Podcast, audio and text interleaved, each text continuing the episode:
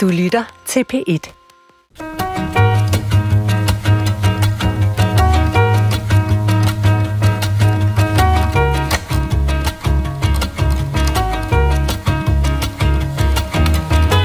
Den kan med stor præcision slynge en tungstenspil ud. Det er en uh, BMP-2, som affyrer sin uh, 30 mm maskinkanon. Og mange forskellige angrebsakser vil de kunne undersøge det logistisk. Siden Rusland invaderede Ukraine den 24. februar sidste år, har Europa været et kontinent i den krig, som af angriberen blev betegnet som en særlig militær operation. Dagens udsendelse handler om, hvordan krigen i Europa påvirker vores sprog.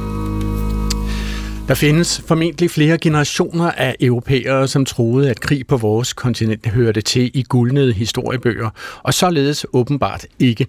Her omkring årsdagen for Ruslands invasion af Ukraine buner aviser og andre medier med analyser af konsekvenserne af krigen, og her i Klog på Sprog, så zoomer vi ind på at undersøge, hvad vores sprog om krig og militære løsninger, øh, om det har forandret sig i løbet af det sidste år.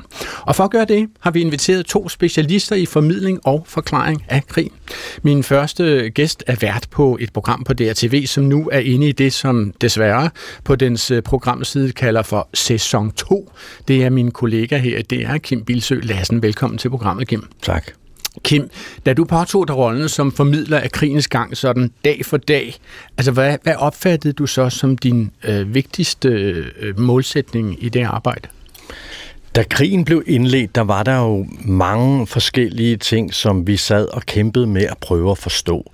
Og jeg tror i virkeligheden, da vi gik i gang, der var det jo et forsøg på at beskrive den militære operation sådan lidt mere detaljeret, for at vi bedre kunne forstå det. Der var ikke nogen af os, der på det tidspunkt i virkeligheden havde forestillet os, at det skulle blive en følgesong med, med flere sæsoner, men det viste sig bare, at, at det her med at prøve at sætte sig ind i, hvad der konkret skete på landjorden, hvad det var for nogle militære operationer, der rent konkret fandt sted, at det synes folk gjorde dem i stand til at forstå. Og ja, alt det, jeg beskæftiger mig med, handler om at gøre folk klogere, bedre i stand til at analysere selv, hvad det er, der sker, og det var det her også et led i. Okay.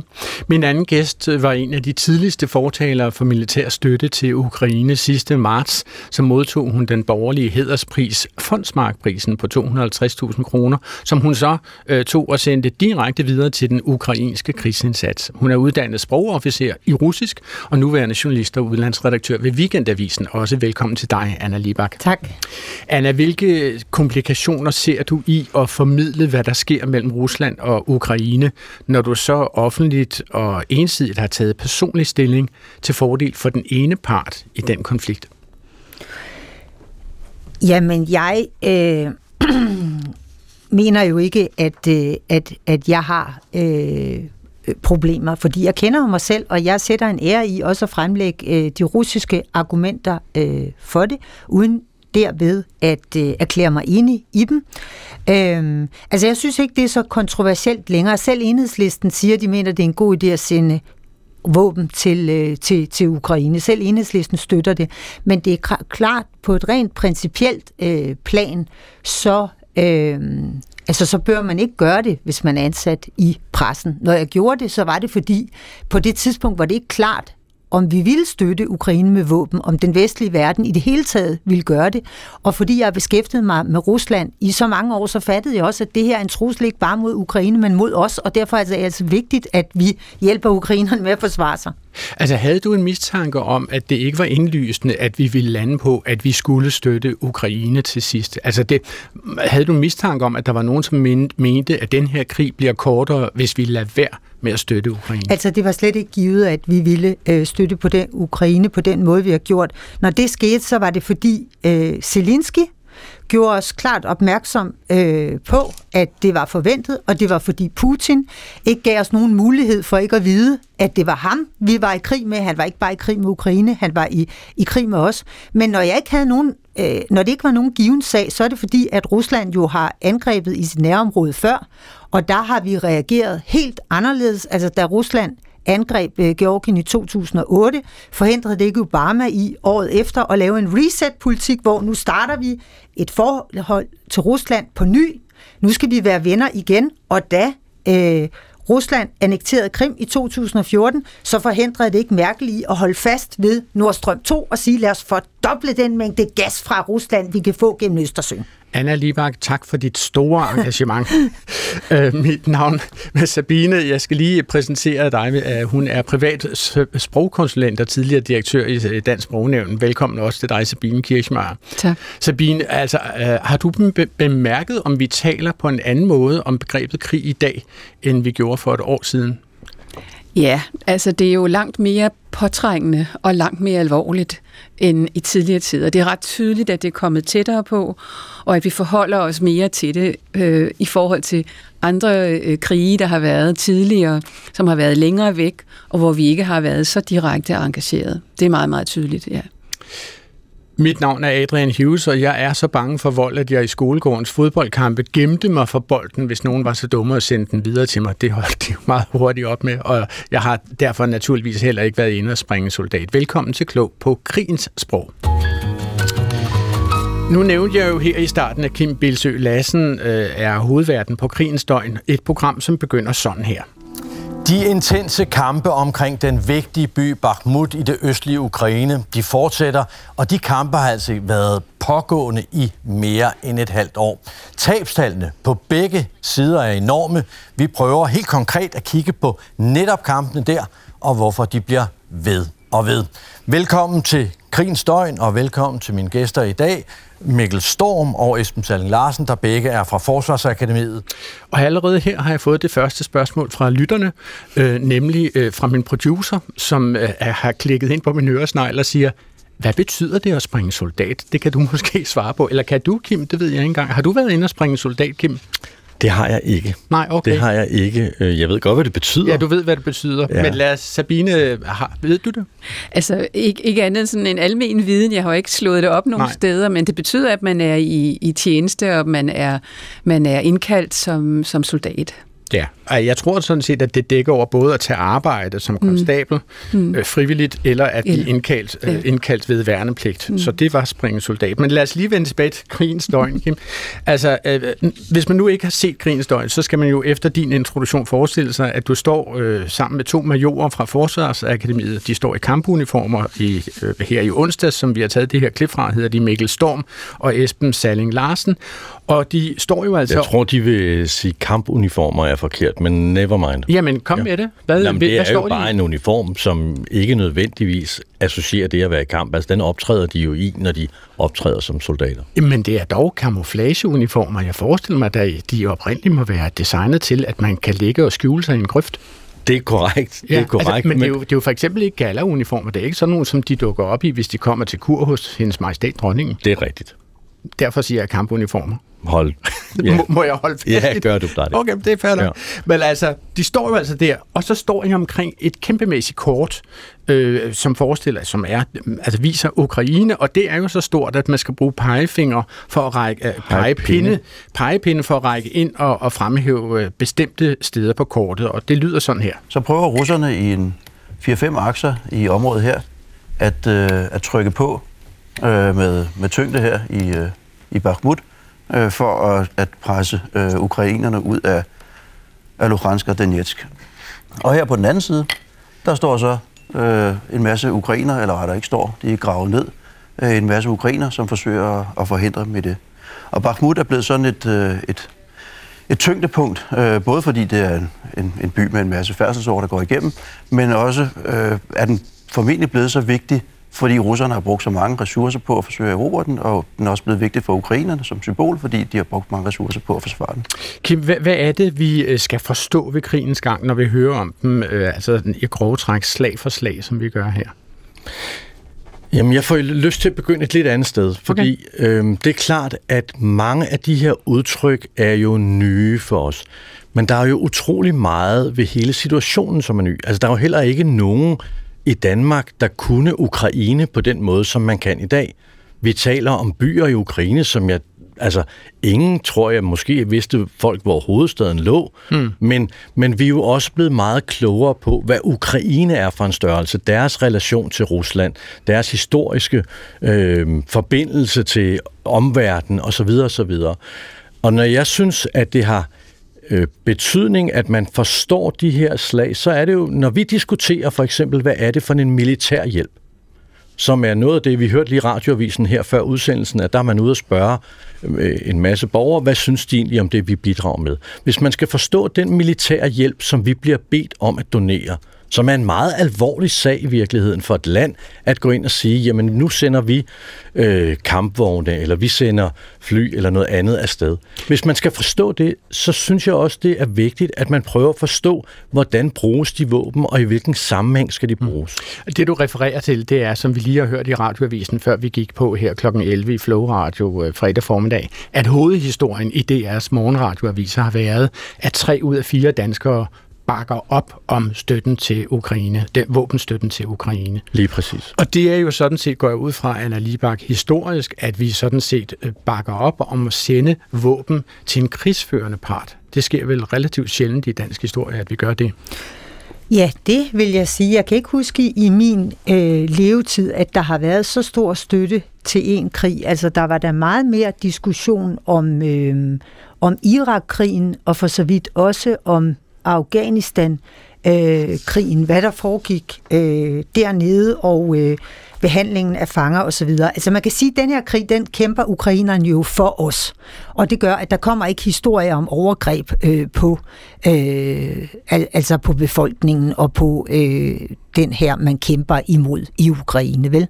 Øh, fra vores side. Altså du mener, der, der kommer ikke historier om overgreb på russisk befolkning? Eller hvad taler nej om det nu? jeg taler om, det var, at øh, der var danske soldater i Irak, der var danske soldater i Afghanistan. Og der var nogle historier, der var på dagsordenen konstant i de år, øh, som var sammenfaldende for begge krige. Og det var spørgsmålet om, hvis man tog fanger, hvordan skulle de fanger så behandles? Måtte vi overhovedet øh, tage fanger? Måtte vi overdrage dem til britterne? Måtte vi overdrage dem til amerikanerne? Så var der Abu Ghraib-behandlingen øh, af øh, dem, vi tog til øh, dem vi tog til fange, eller amerikanerne, deres behandling af dem, øh, de tog til fange. Så, så der var en problematisering af den vestlige involvering i krigene. Okay. Det har du ikke set i Ukraine, og det skyldes jo blandt andet, at vi ikke selv er til stede med militært mandskab. Okay.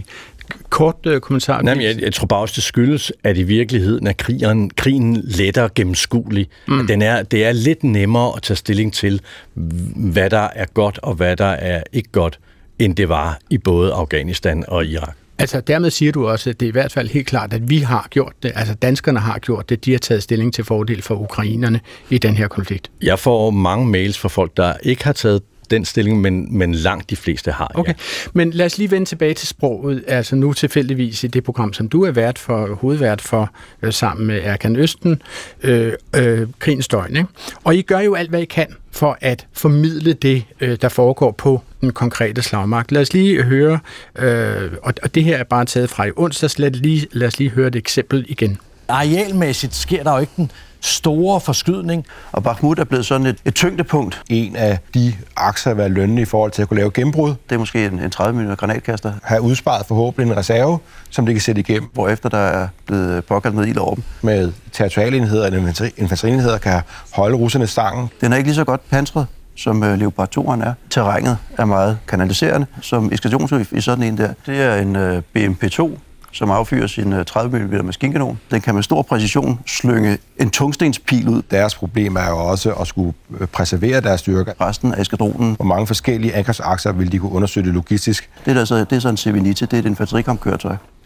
Altså Sabine Kirschmeier, her hørte du jo en lang række ord. Øh, hvad, vil du sådan overordnet sige karakteriserer disse her ord, som du hører i din hovedtelefon her? Det er jo militært fagsprog. Det er jo folk, der er inde i stoffet, der, der taler med hinanden, og som, øh, som ikke altid har antennerne ude i forhold til dem, der lytter.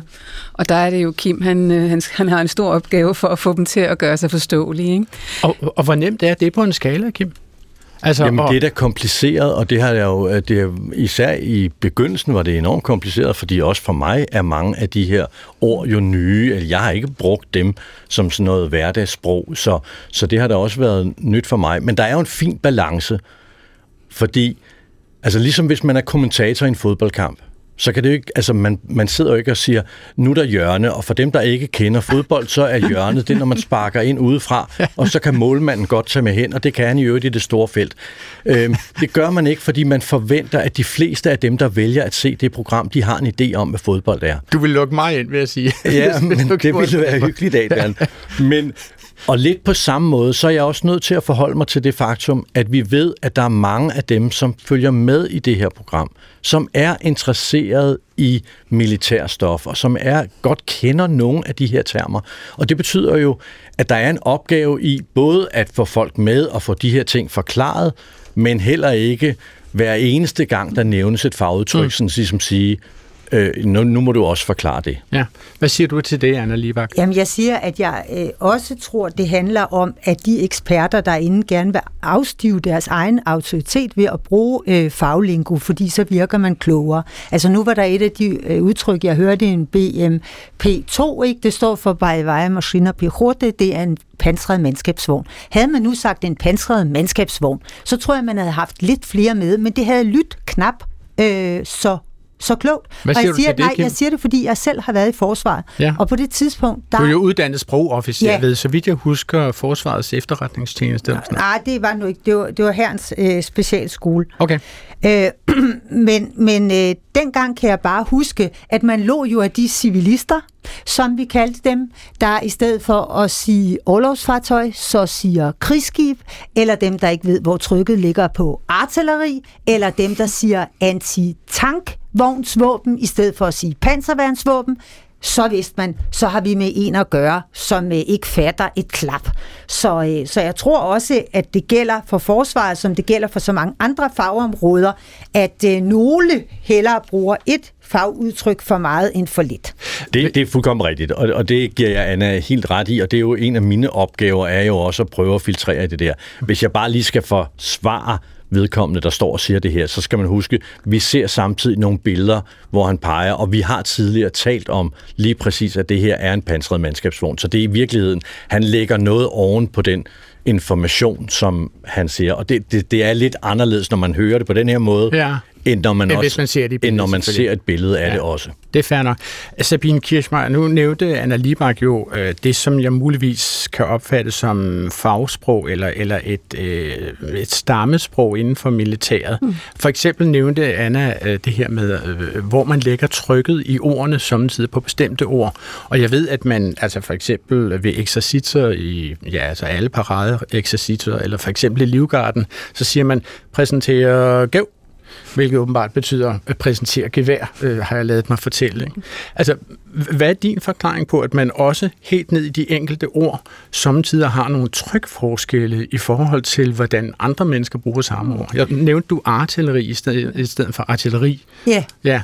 Hvad, hvad er din forklaring på det, Sabine? Jamen altså, øh, man skal skelne mellem fagsprog, decideret fagsprog, hvor man refererer til konkrete ord og udtryk, som man bruger. Det hedder det altså, det her. Ikke? Det hedder en havbits, eller det hedder en middeltung moter, eller hvad det nu lige hedder. Ikke? Mm-hmm. Jeg har jo selv en, en baggrund øh, fra, fra, hvad hedder det, Tøjsmuseet, hvor jeg, jeg har haft øh, familiemedlemmer, som har været meget involveret der, så jeg har hørt det der militærsprog rigtig meget også. Mm-hmm. Men i forhold til trykket, der, der er det mere jargon. Altså det er noget, som man vender sig til inden for en bestemt kreds.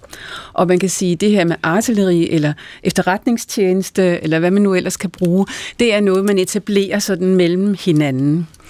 Øhm, og, og det kan man også finde andre steder, altså for eksempel inden for IT-sektoren, der er der nogen, der siger databaser, og der er andre, der siger databaser. Mm-hmm. Og det er også sådan en udvikling, der kommer inden for en, en, en snæver gruppe. Altså man kan jo sige, både, både Kim og, og Kims kilder gør jo, hvad de kan, øh, for at vi alle sammen skal kunne forstå, hvad der foregår. Og øh, nu fra den her udsendelse i onsdags, øh, var det major Mikkel Storm, som talte om forskellen mellem russernes første angreb, og hvordan de senere hen har koncentreret deres indsats. Det, de gjorde til at starte med, det var at slå med spredte fingre. Mm. Så der er ikke meget, meget kraft i hver af dem. Nu slår de med en knyttet hånd. og det betyder, at de kan lægge tyngde der. Men når så det ser ud, som det gør her, så er det altså også, fordi terrænet er meget øh, kanaliserende. Her, øh, Kanaliserende, siger du? Ja, det betyder, at, at her nordfor, der er en masse sumpe og værk. Det er også noget, hvor går jernbanerne. Men heroppe er det ikke så specielt, når man bevæger sig. Og hernede af, jamen, der har vi jo Nibberfloden, som sådan er, er, er tilsvarende Limfjorden. Øh, så det er altså en, det er ikke bare en almindelig å.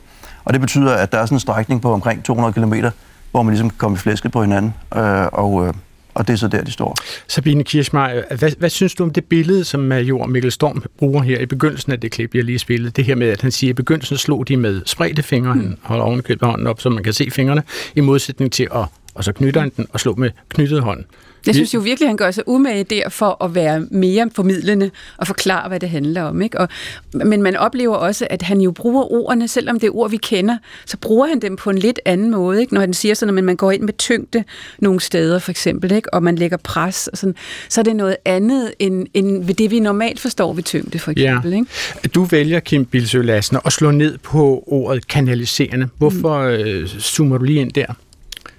Fordi der havde jeg en fornemmelse af, at i det her, han var i gang med at forklare med fingre og, og knytnæver. Jeg vidste jo godt nogenlunde, hvor det var, han ville hen. Altså, at, vi skulle, at det var samlet i et særligt område. Ja. At der synes jeg, det var en lille smule uklart, hvad ja. ordet kanaliserende i den sammenhæng betød. Men Sabine, igen- forstod du, forstod du, hvad det betyder? Vil du kunne her i Klog på Sprog i Danmarks Radio, vil du kunne gøre rede for, hvad det vil sige, når et terræn er kanaliserende? Altså, jeg forestiller mig, at det er et terræn, som, som skråner opad til begge sider, hvor, hvor øh, øh, hvad hedder det, styrkerne bliver tvunget til at gå mere samlet, Ja. sådan at de er lettere at ramme. Det var faktisk også den måde, at, øh, at øh, man stansede romerne i sin tid. Øh, de, var, de var ved at bringe dem ind på et smævt område, så man kunne få, bedre kunne få fat i dem. Nu går vi tilbage ja. Til sidste taler og de, de elgamle strategier. Lad os bare tage Er slaget det ikke ved slaget Bjergrum. Termo- Thermopylæ? Term- term- Termopyle. Ja, lige præcis. Det var en lille bitte dantange. Øh, vil, vil, vil I have vores våben komme og tage dem, sagde, jeg tror, hvad hedder de så, øh, spartaner eller sådan noget stil. Men forstår du ordet øh, kanaliserende i den her sammenhæng, eller var du fuldstændig klar over det, før øh, Kim spurgte om det? Anna? Nej, det, det var jeg ikke. Øh, det, det var jeg ikke. Men, øh, men jeg synes, at, øh, at Sabines øh, forklaring giver mening. Ja, okay. Altså, øh, Kim, nu er jeg jo ikke et øh, omvandrende et øh, militært fagligt leksikon, men, Det er men, ikke. men, men jamen, spørgsmålet er, er det nødvendigt for en civilist, som åbenbart dig og mig, at, at kunne skelne mellem en artilleripjæse og en havbitser eller et Stalin hvis de stadig bruger det? Øh, øh, hvis jeg kalder en kampvogn for en tank, så ved du vel godt, hvad jeg mener? Jamen, jeg har heller ikke så store problemer med, altså den her diskussion mellem, om det er en kampvogn eller en tank, altså det, det synes jeg ikke er så vigtigt, fordi det er der ikke rigtig så mange, der er i tvivl om. Altså der er nogen, der siger, jamen det er jo fordi, det ikke er en tank, men det, det tror vi jo ikke, og sådan udtaler vi det heller ikke. Hvad vil Det- du sige er forskellen på at bruge det ene eller det andet ord? Om man siger kampvogn eller tank? Det tror jeg handler mest om, hvorvidt man har været en del af en forsvarsdiskussion i Danmark. Øhm, hvis, man det har, hvis, man har beskæftiget sig meget med militæret i udlandet, som jeg har, så kommer man nemt til at sige, tænk, nu gør jeg det ikke længere. Altså fordi englænder, Fordi engelsktalende- englænder og amerikanere gjorde det, Ja. og der er så mange øh, sammenhæng, hvor, hvor det bliver nævnt. Men, men bare lige for at svare på dit spørgsmål, fordi hvorfor er det vigtigt, at vi... Altså jeg synes jo, hvis vi skal tage stilling til på et kvalificeret grundlag, hvis vi skal for at tage stilling til, hvad det er, vores politikere gør, hvad det er, de støtter med, hvad det er for nogle våben, de gerne vil levere. Hvis vi skal gøre det på et oplyst grundlag, så synes jeg i hvert fald, at vi som borgere godt eller skal have muligheden for et eller andet sted at kunne forstå, hvordan er det, de her våben bruges. Mm. Og der er forskel på de våben, du, du nævner her. Og, og, øhm, og i for eksempel den her diskussion, vi har om, hvorvidt Danmark og Vesten skal levere kampvogne, om vi skal levere jægerfly, så synes jeg, at vi i mange andre sammenhænge, når det handler om økonomi, når det handler om vores øh, pension, når det handler om sygehusvæsenet, så prøver vi at gøre os klogere på, hvad det er, vi taler om. Og det synes jeg også, vi har en forpligtelse til at gøre her. Ja, altså de der fagudtryk bliver jo også mere og mere almindelige i vores samlede diskurser. Der bliver skrevet om i aviserne, og det bliver brugt i alle mulige udsendelser. Og det vil sige, at vi får også opdraget befolkningen til ligesom at forstå mere og mere af, af hvad det her er. Ikke? I Tyskland, der bruger de jo det trick, at de, de kalder deres kampvogne for forskellige dyr. Så leoparderne for eksempel har man, ikke? men man har også en, en bæver, eller man har en visel, en væ, et væsel, eller man har en, en grævling. Øh, og, og på en eller anden måde, så ligger det jo sådan lidt i forhold til, hvilke funktioner har de der kampvogne for eksempel. Og det gør det måske lidt lettere at forstå. Så biber, bæveren bruger man til at bygge Men det er, med, for det er jo eksempel, lige præcis sådan et af de eksempler på, på et ord, som er, er glidet fra militær øh, jargon over i det fælles sprog. For eksempel hvis man lytter til øh, Clement Bjørn Kærsgaards debatten på øh, DR2, så kan man så samtidig et stykke ind i debatten, kan man så høre øh, øh, politikerne, eller de inviterede til debatten, sige, jamen nu er det også på tide, at leoparderne bliver sendt til, øh, til Ukraine. Mm. Anna Libak, tror du, altså, kan alle forstå det, når man når dertil at sige, jamen leoparder, det er selvfølgelig nu siger jeg så kampvogne. altså det tror jeg godt, vi kan netop i Danmark, hvor vi jo også øh, selv har øh, leoparderne fra Tyskland, både øh, model 1 og øh, model øh, 2.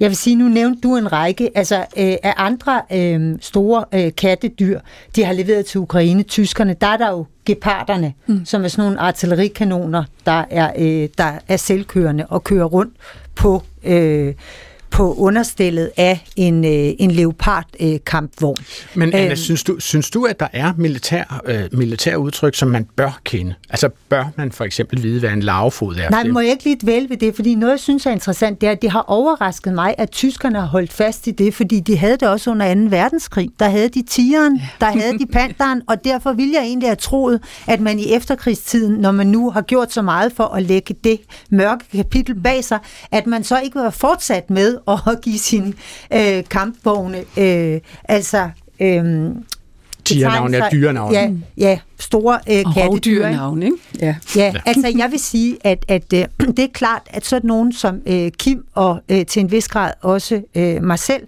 er jo sat i verden for at gøre det oversættelsesarbejde øh, for folk. Altså der er jo ikke nogen grund til at have øh, formidlere, hvis folk vidste det hele øh, selv.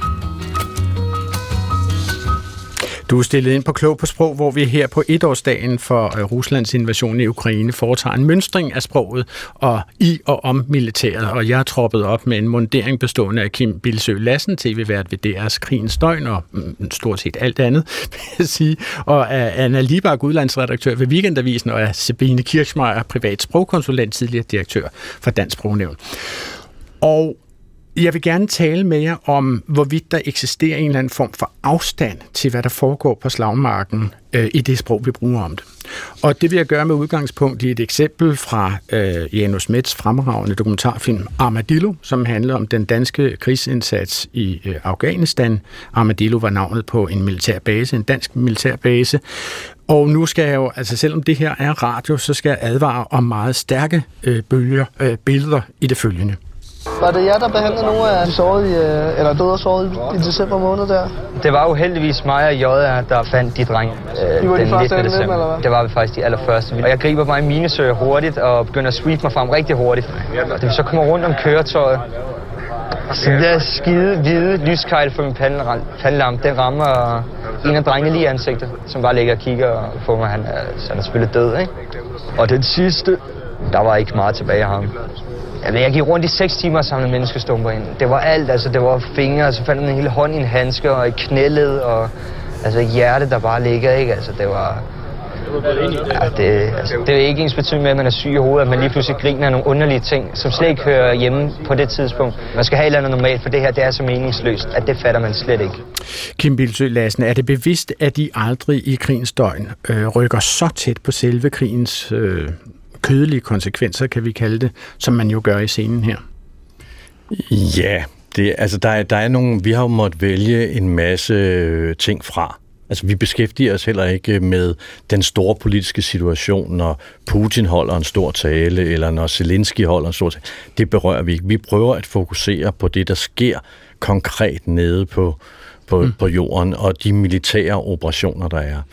Men det er klart, øh, at, at der er altid, og det gælder jo både, når vi laver krigsdøgn, det gælder også, når vi laver TV-avisen øh, og alt muligt andet, at der hele tiden er den der sondring mellem at vise krig i dens sande gro, øh, hvor voldsomt og slemt det er, og så samtidig øh, skal gøre noget, som ikke er et overgreb på dem, der sidder og ser med, hvor de har mulighed for at forberede sig på, hvad det er, der kommer til at ske. Øh, og jeg vil sige, at når man lige taler sprog her, så synes jeg jo, der er noget af det sprog, som man bruger til at bekæmpe fjenden, det er jo meget sterilt. Og det vil sige, at man omtaler jo det, at man har slået mange mennesker ihjel på en måde, så det er jo næsten får karakter af en øh, af en operation, som havde en naturlig konsekvens. Mm. Og det, det er måske de ord, som Sabine Kirchmeier gjorde opmærksom på lidt tidligere, altså ord som tryk og pres. Altså, øh, i, i sådan nogle ord som tryk og pres, ligger der jo ikke en direkte henvisning til, hvad det egentlig er, der foregår på slagmarken. Hmm. Er, er, det, er det en bevidst afstand, man lægger til altså geværilden? Jamen, jeg tror, det har været nødvendigt for øh, soldater i generationer at forholde sig til det at bekæmpe fjenden på en måde, også sprogligt, fordi det også handler om, øh, altså det, som de her unge mennesker i Armadillo oplevede, altså det er så voldsomt og så konkret, når du ser det, at du er nødt til at have et sprog, som på en eller anden måde gør det meningsfyldt stadigvæk at være der som menneske.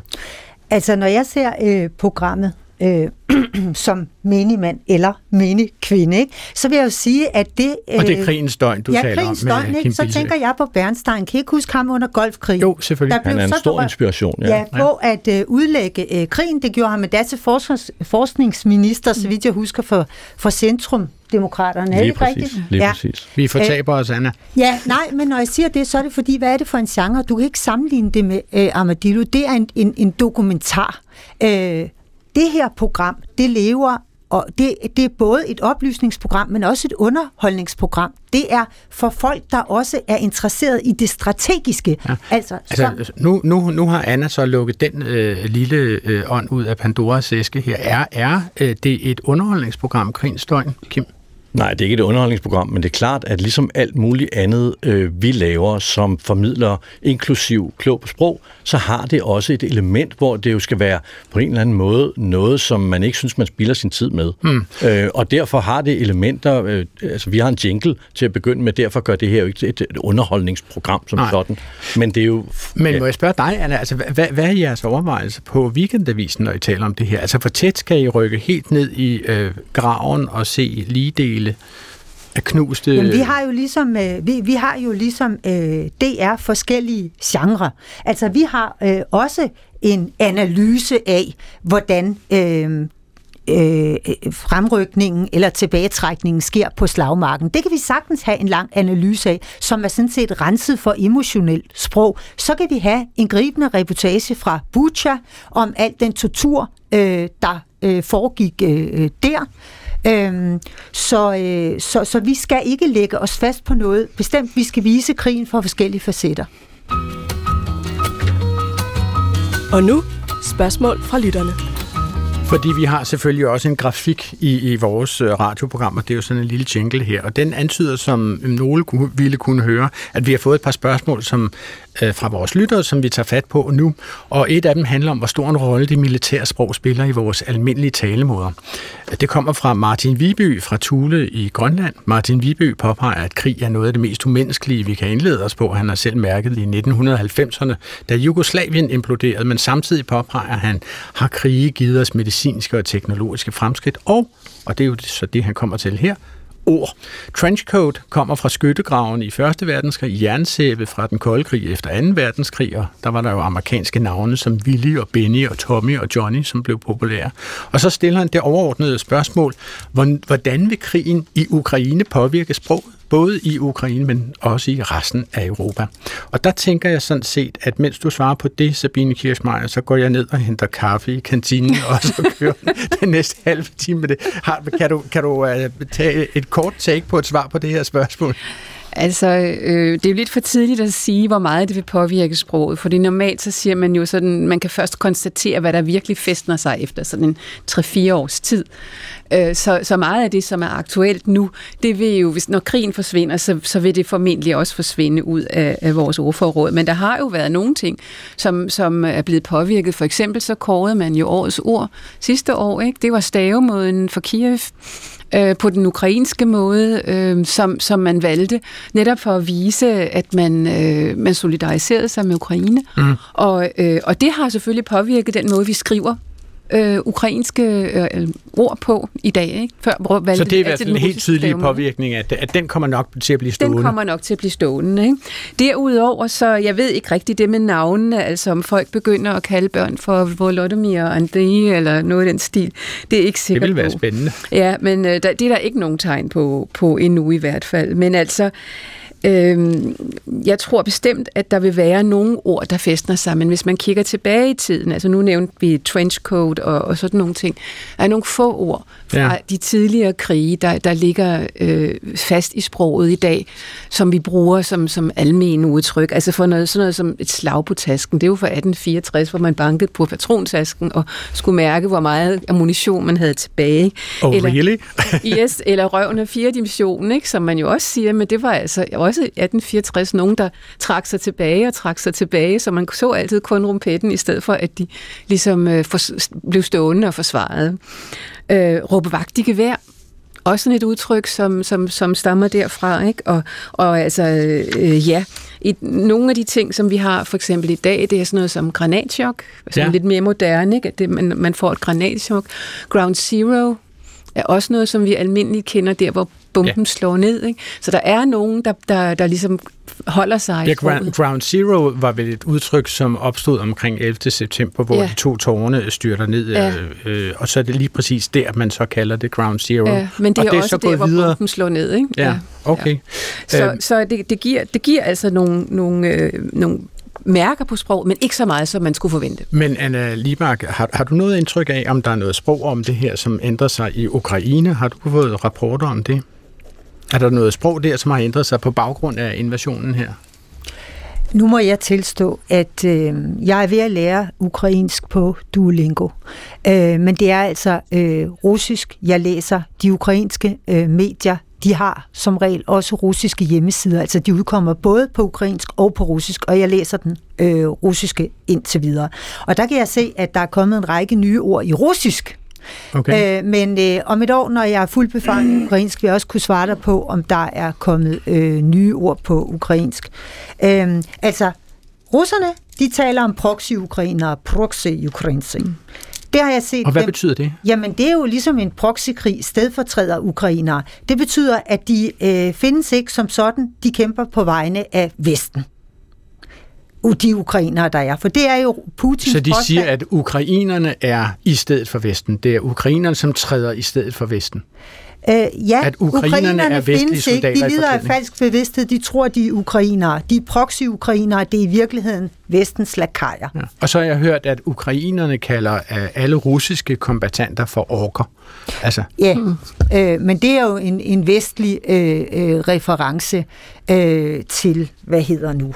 Game of Ringenes Thrones, tror jeg, enten det eller... Ringenes Herre. Ja, Ringnes Herre. Sorry, selvfølgelig lige der fra var den. Ringnes Herre, ja. Men så er der et andet udtryk, øh, det, det stammer tilbage fra 90, fra en, en bog, øh, Den gyldne milliard. Det taler Putin ofte om, den gyldne milliard. Og dermed mener han, at, øh, at verden er delt, øh, og han vil ikke længere finde sig i det. Den er delt mellem dem, der sidder på flæsket, det er den gyldne milliard, det er os, og, øh, og så dem, som, øh, som bliver domineret af den gyldne milliard. Og det er alle masserne, øh, om man så må sige. Det er den tredje verden. Det er det, man forsøger at gøre fælles sag med. Han henvender sig, man kan sådan set sige, at, øh, at det er venstrefløjen, han taler til her. Han taler jo, det ved vi, til de nationalkonservative, men han taler sandelig også til venstrefløjen. Da jeg gik på statskundskab, der var der en mand, der hed Wallerstein, strukturalist, som fortalte om, hvordan at den første verden dominerede den anden og den tredje verden. Og det er dem, der abonnerer på øh, det syn, at, øh, at vi undertvinger de fattige her i Vesten, som Putin taler til, når han taler om den gyldne milliard. Okay. Øh, vi har også et øh, lytterspørgsmål til. Det kommer fra Lene Veng, som skriver til os fra Tranbjerg, tæt på Morslet. Lene Vengs familie kom til at tale om, at militærpersoner i Nordkorea er meget flot dekoreret, og hvor til øh, Lenes mand så sagde, jamen det der, det er ren sildesalat. Og hvorfor siger man sådan, spørger øh, Lene, Ring, Lene Veng om, og hvor kommer det der udtryk øh, fra? Om en, og det handler jo om en række medaljer øh, på et... Øh, på et bryst, tror Ja, jeg. det er, når man En er voldsomt brystkasse. dekoreret, eller ja. har mange ordensbånd og sådan noget. Ikke? Og, altså, med, med soldaterslang er det rigtig svært at finde ud af, om de er øh, kommer direkte fra almensproget, eller om det er noget, soldaterne selv har fundet på. Så sildesalat oprindeligt, det er så noget sammenrod af alt muligt. Øh, og det har soldaterne brugt, øh, så det bruger de til de store, de mange dekorationer her på, på tøjet. Men altså amerikanerne kalder det for frugtsalat.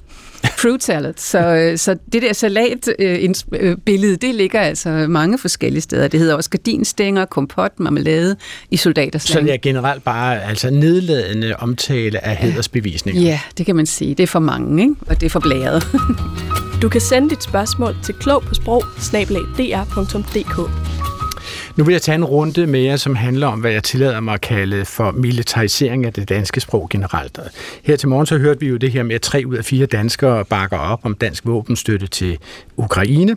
Og det er jo øh, imponerende, kan man sige, hvis man synes, det er en god idé. Litteraturkritiker, forfatter og lektor emeritus Thomas Bredstorff havde i Dagbladet Politikken her for en cirka 14 dages tid siden en kommentar, hvor han kritiserede hele den måde, som krigen bliver talt om i den danske offentlighed. Og i stedet for, at jeg refererer, hvad øh, Thomas Bredstorff skrev sin kommentar om, så har jeg inviteret ham med på en telefon for at gøre lidt nærmere rede for sit synspunkt. Velkommen til Klog på Sprog, Thomas Bredstorff. Tak skal du have, Dan. Uh, altså lad os lige prøve at høre, uh, hvad er det, du synes, der er galt med den måde, vi i tale sætter krigen mellem Rusland og Ukraine her i Danmark? Ved du hvad, jeg har tænkt over, hvad det stærkeste virkemiddel er. Og det er et som sjældent, et sprogligt virkemiddel, som sjældent er med i dit program. Tavshed. Lad mig give et eksempel. Hvis, hvis en regering foreslår at skære et år af en uddannelse eller et helligdag ud af året, så kommer der straks nogen, der siger noget modsat, og så går der en diskussion løs. Det hedder demokrati. Hvis nogen foreslår gigantisk forøgelse af militærudgifterne, som falder ned i, en, i et, et, et område, der ikke engang kan gøre rede for, for regnskaberne i, i, i sine udgifter, så er der tavshed. Der, så... der sker en gigantisk forøgelse nu af, af, af militærudgifter, og der er ingen, der taler om. Det er et udtryk øh, for militariseringen efter mit efter min opfattelse. Okay, så altså der... selve det, at der ikke bliver sat spørgsmålstegn ved fra nogen ja. side om, hvorvidt ja. vi skal hælde milliarder eller øh, efter hinanden over i øh, for eksempel forøgelsen af det, det danske forsvarsbudget eller støtten til Ukraine.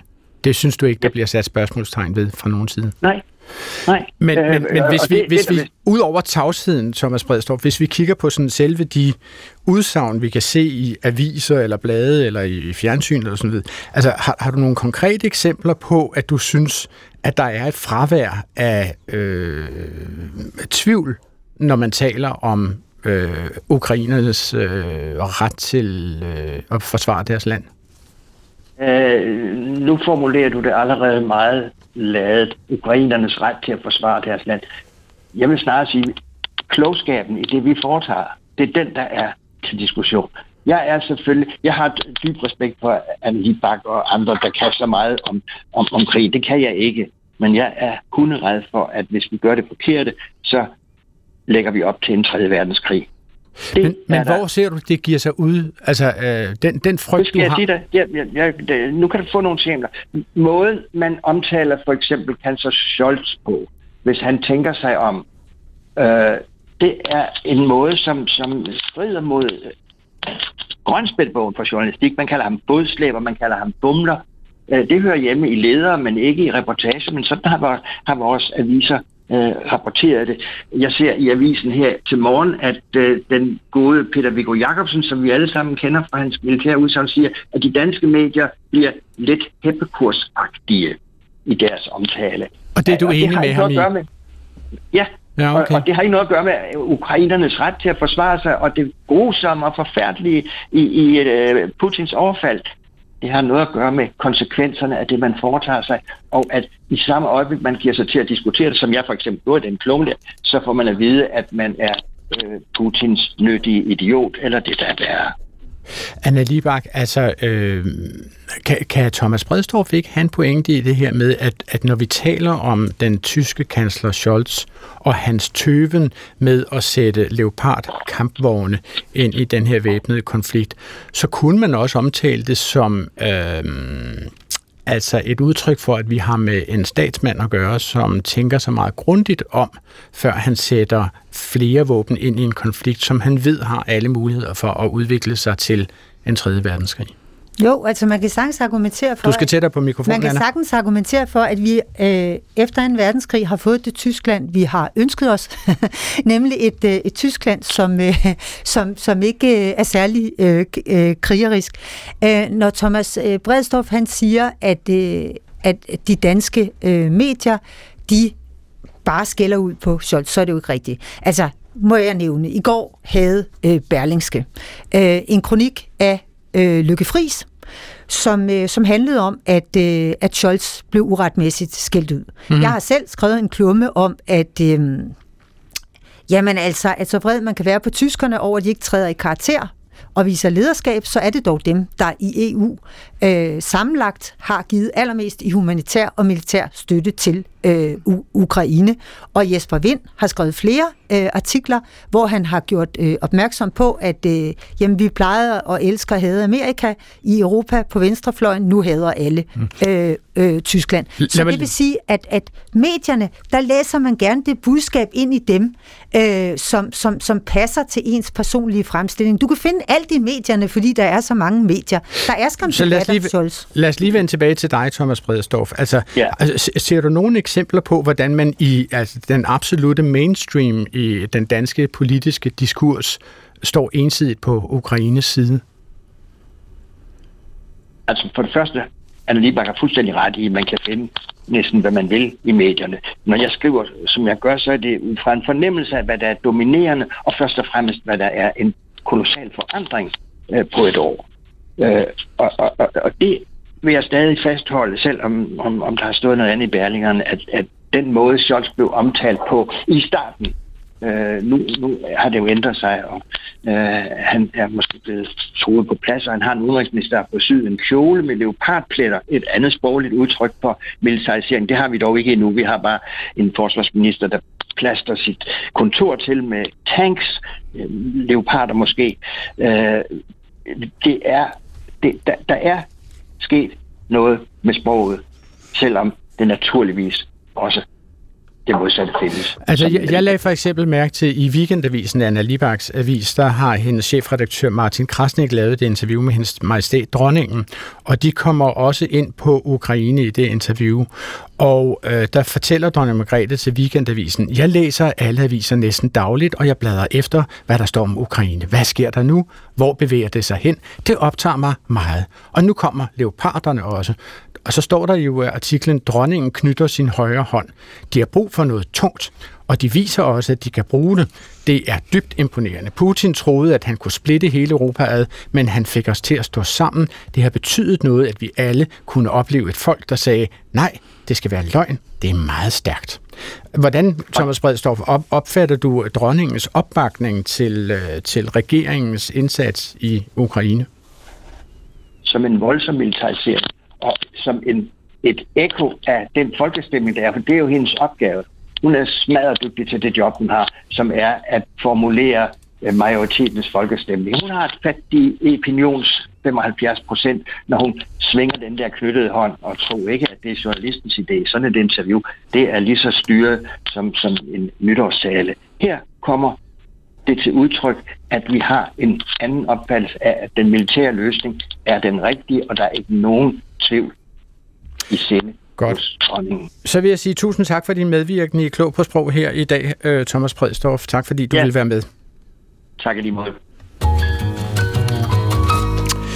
Øh, lad os prøve at tale om, øh, hvordan vi taler om krige. Altså både hvordan øh, Rusland har talt om sin invasion af Ukraine, og hvordan vi også i vores egen kulturkreds, hvis vi skal kalde den det, har talt om væbnede konflikter.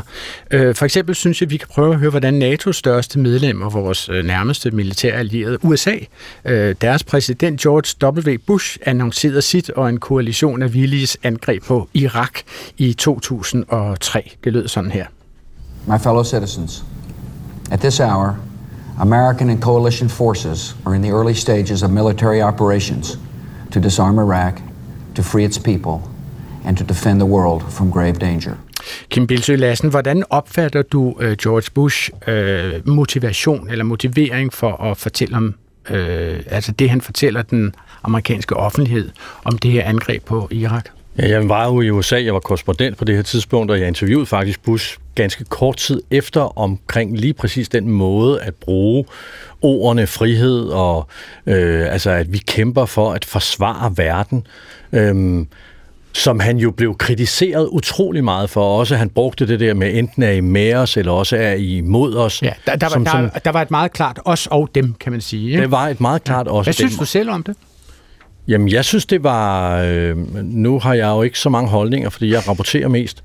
Men jeg synes, at det var en voldsom ting, at på den måde dele det op, at der ikke var plads til tvivlen.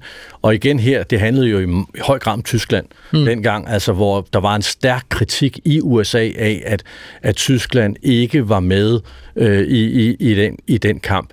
Og øh, altså, det var da voldsomt, men man skal huske, at de her ting har en historisk forbindelse Altså det her var sket, det skete efter den 11. september angrebet der.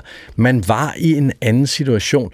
Altså når Thomas Bristow lige før siger, at jamen der er sket, at vi taler meget mere om det her, og når dronningen nævner det, jamen vi er også i en situation, som er helt usædvanlig. Vi mm. har krig i Europa ikke særlig langt fra os, så hvis vi ikke skulle tale om det, mm. så ville det da også være mærkværdigt. Man kan da udmærket kritisere det, men at sige, at lige pludselig begynder vi at tale om krig, alt andet ville da være dybt mærkeligt, mm. og synes jeg også noget uansvarligt. Sabine Kirchmeier, hvis vi fokuserer på det sproglige George Bush udsagn her, hvad, hvad øh, synes du så karakteriserer hans måde at forklare det her angreb på? Han taler jo netop ikke om krig. Han Nå, taler okay. om en særlig en militær operation, fuldstændig på samme måde som Putin taler om en særlig militær operation i forhold til Ukraine. Ikke? Han, og han, han bruger jo simpelthen altså disarm, altså afvæbne. Det er ikke noget med at kaste bomber i hovedet og dræbe en masse mennesker. Det er på sådan et meget abstrakt plan. Og det gør vi jo generelt. Ikke? Vi taler ikke om krig. Vi bruger ikke ordet krig mm. ret meget. Det er faktisk ret usædvanligt, at vi bruger free, det meget. Ikke? Free its people free and defend people. the world yeah. from grave danger. Yeah. Oversat betyder det jo at, at gøre øh, øh, irakerne frie, give dem ja. deres frihed ja. og forsvare verden mod en, en meget voldsom fare. Ja. Og her der taler vi om dominoeffekten, ikke? Altså hvis de falder, så falder vi andre også, ikke? Og vi har en musketered, øh, hvor vi alle sammen skal stå sammen. Det er sådan nogle mærkelige udtryk, som egentlig ikke har ret meget med krig at gøre. Ikke? Okay. Jeg vil lige spille et øh, klip til fra den her seance, som er vores venner. Ikke? Altså hans øh, forsvarsminister Donald Rumsfeld øh, på vej ind i Irak, altså da de forsøgte at finde argumenterne for at gå ind i Irak, sagde Donald Rumsfeld øh, det følgende i det, han forklarede at de havde mistanke om, at der fandtes øh, i Irak. Reports that say there's that that that something hasn't happened are always interesting to me because as we know there are known knowns. There are things we know we know. Uh, we also know there are known unknowns. That is to say we know there are some things we do not know. But there are also unknown unknowns. The ones we don't know, we don't know. Giver det nogen mening op i dit hoved, Anna Libak, når du hører det her udsagn? Ja, fordi det er jo øh, citeret altså øh, i, i en uendelighed lige siden øh, da. Det har kørt på en båndsløjfe. Ja, det har det, og det er, øh, det er et pragtfuldt, øh, det er et pragtfuldt citat. Men, men, men hvad er det, han forsøger at sige til offentligheden, om, som skal motivere dem til at anerkende, at nu kommer man ind i Irak?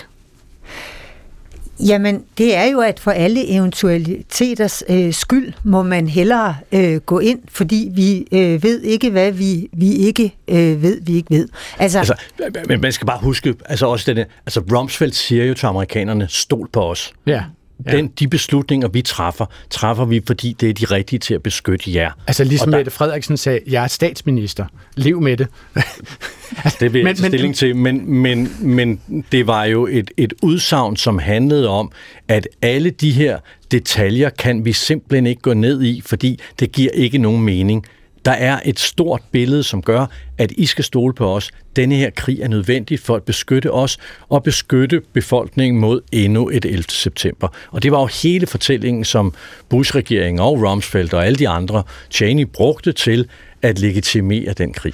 Men så vil jeg gerne høre her mod programmets sidste minutter, altså i hvor vid udstrækning har Putin taget sine style cues fra George W. Bush, når han har skulle forklare, hvorfor han synes, det var rimeligt, at Rusland gik ind i Ukraine?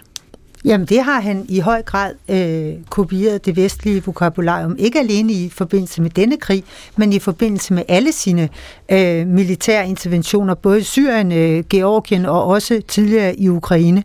Han taler om folkemord, Altså, hvorfor øh, er det nødvendigt at komme folks undsætning i Donbass? Det er for at redde dem fra et folkemord. Det har han jo fra Jugoslaviens øh, øh, krigene og de etniske øh, udrensninger Altså der. underforstået, det har han fra NATO's motivation for at gå ind i Jugoslavien-krigene og bombe Beograd. Lige præcis. Og hans brug af ordet øh, humanitær, også i forbindelse med humanitære øh, missioner, øh, at det er også et ord, han har været stor øh, forbruger af, inspireret af, øh, af Vesten. Men det er, jo ikke bare, det er jo ikke bare Vesten. Altså sådan har alle krige jo blevet legitimeret. Der er jo aldrig nogen, der har sagt, nu går vi i krig, fordi vi rigtig godt kan lide at slå ihjel. Der har altid været i alle krige, tror jeg. Altså en, en legitimering, som handlede om, at vi skal beskytte os selv, eller vi skal forhindre noget mere forfærdeligt sker. Mm. Det er jo sådan, man får befolkningen og også soldaterne Nej, det tror med. jeg ikke. Jeg tror, Peter den Store øh, var, var ærlig om, at man også øh, udvider øh, det russiske rige for at gøre det større, stærkere og mægtigere. Og Putin har jo henvist til øh, Peter den Store for at sige, at der er en tid til at sprede en tid til at samle. Han har sagt, nej, han har sagt, at nu er tiden kommet til at gøre riget større, ligesom Peter den Store gjorde det. Så du mener dybest set, at, at øh, Putin tager flere style cues fra Peter den Store, end fra George W. Bush? Nej, jeg mener, at han er inspireret af det vokabularium, der har været i Vesten siden den kolde krigs øh, slutning og 20 år frem. Godt. Det var, hvad vi nåede for i dag. Jeg siger tak til den koalition af villige. En koalition er en meget mere nuttet koalition af koalitioner end alle, alle mulige andre villige, og som optrådte i den her sproglige specialoperation. Og de var jo altså Kim Bilsø Lassen, tv-vært ved DR's Krigens Døgn og meget andet. Anna Libak, udlandsredaktør ved Weekendavisen, og Sabine Kirchmeier, privat sprogkonsulent og tidligere direktør ved Dansk Sprognævn. Og på telefonen havde vi jo altså Thomas Bredstorff, lektor emeritus ved Københavns Universitet og kommentator på politikken. Udsendelsen her er tilrettelagt af Isaac Stephen McCauley og af Svala Sigfusardottir, som også stod for teknikken og er undertegnet Adrian Hughes. Skriv, skriv, skriv til os på klog på DR.dk og lyt, lyt, lyt til os her på Flow Radio op til middagsradioavisen og på alle podcast-platforme i universet på genhør.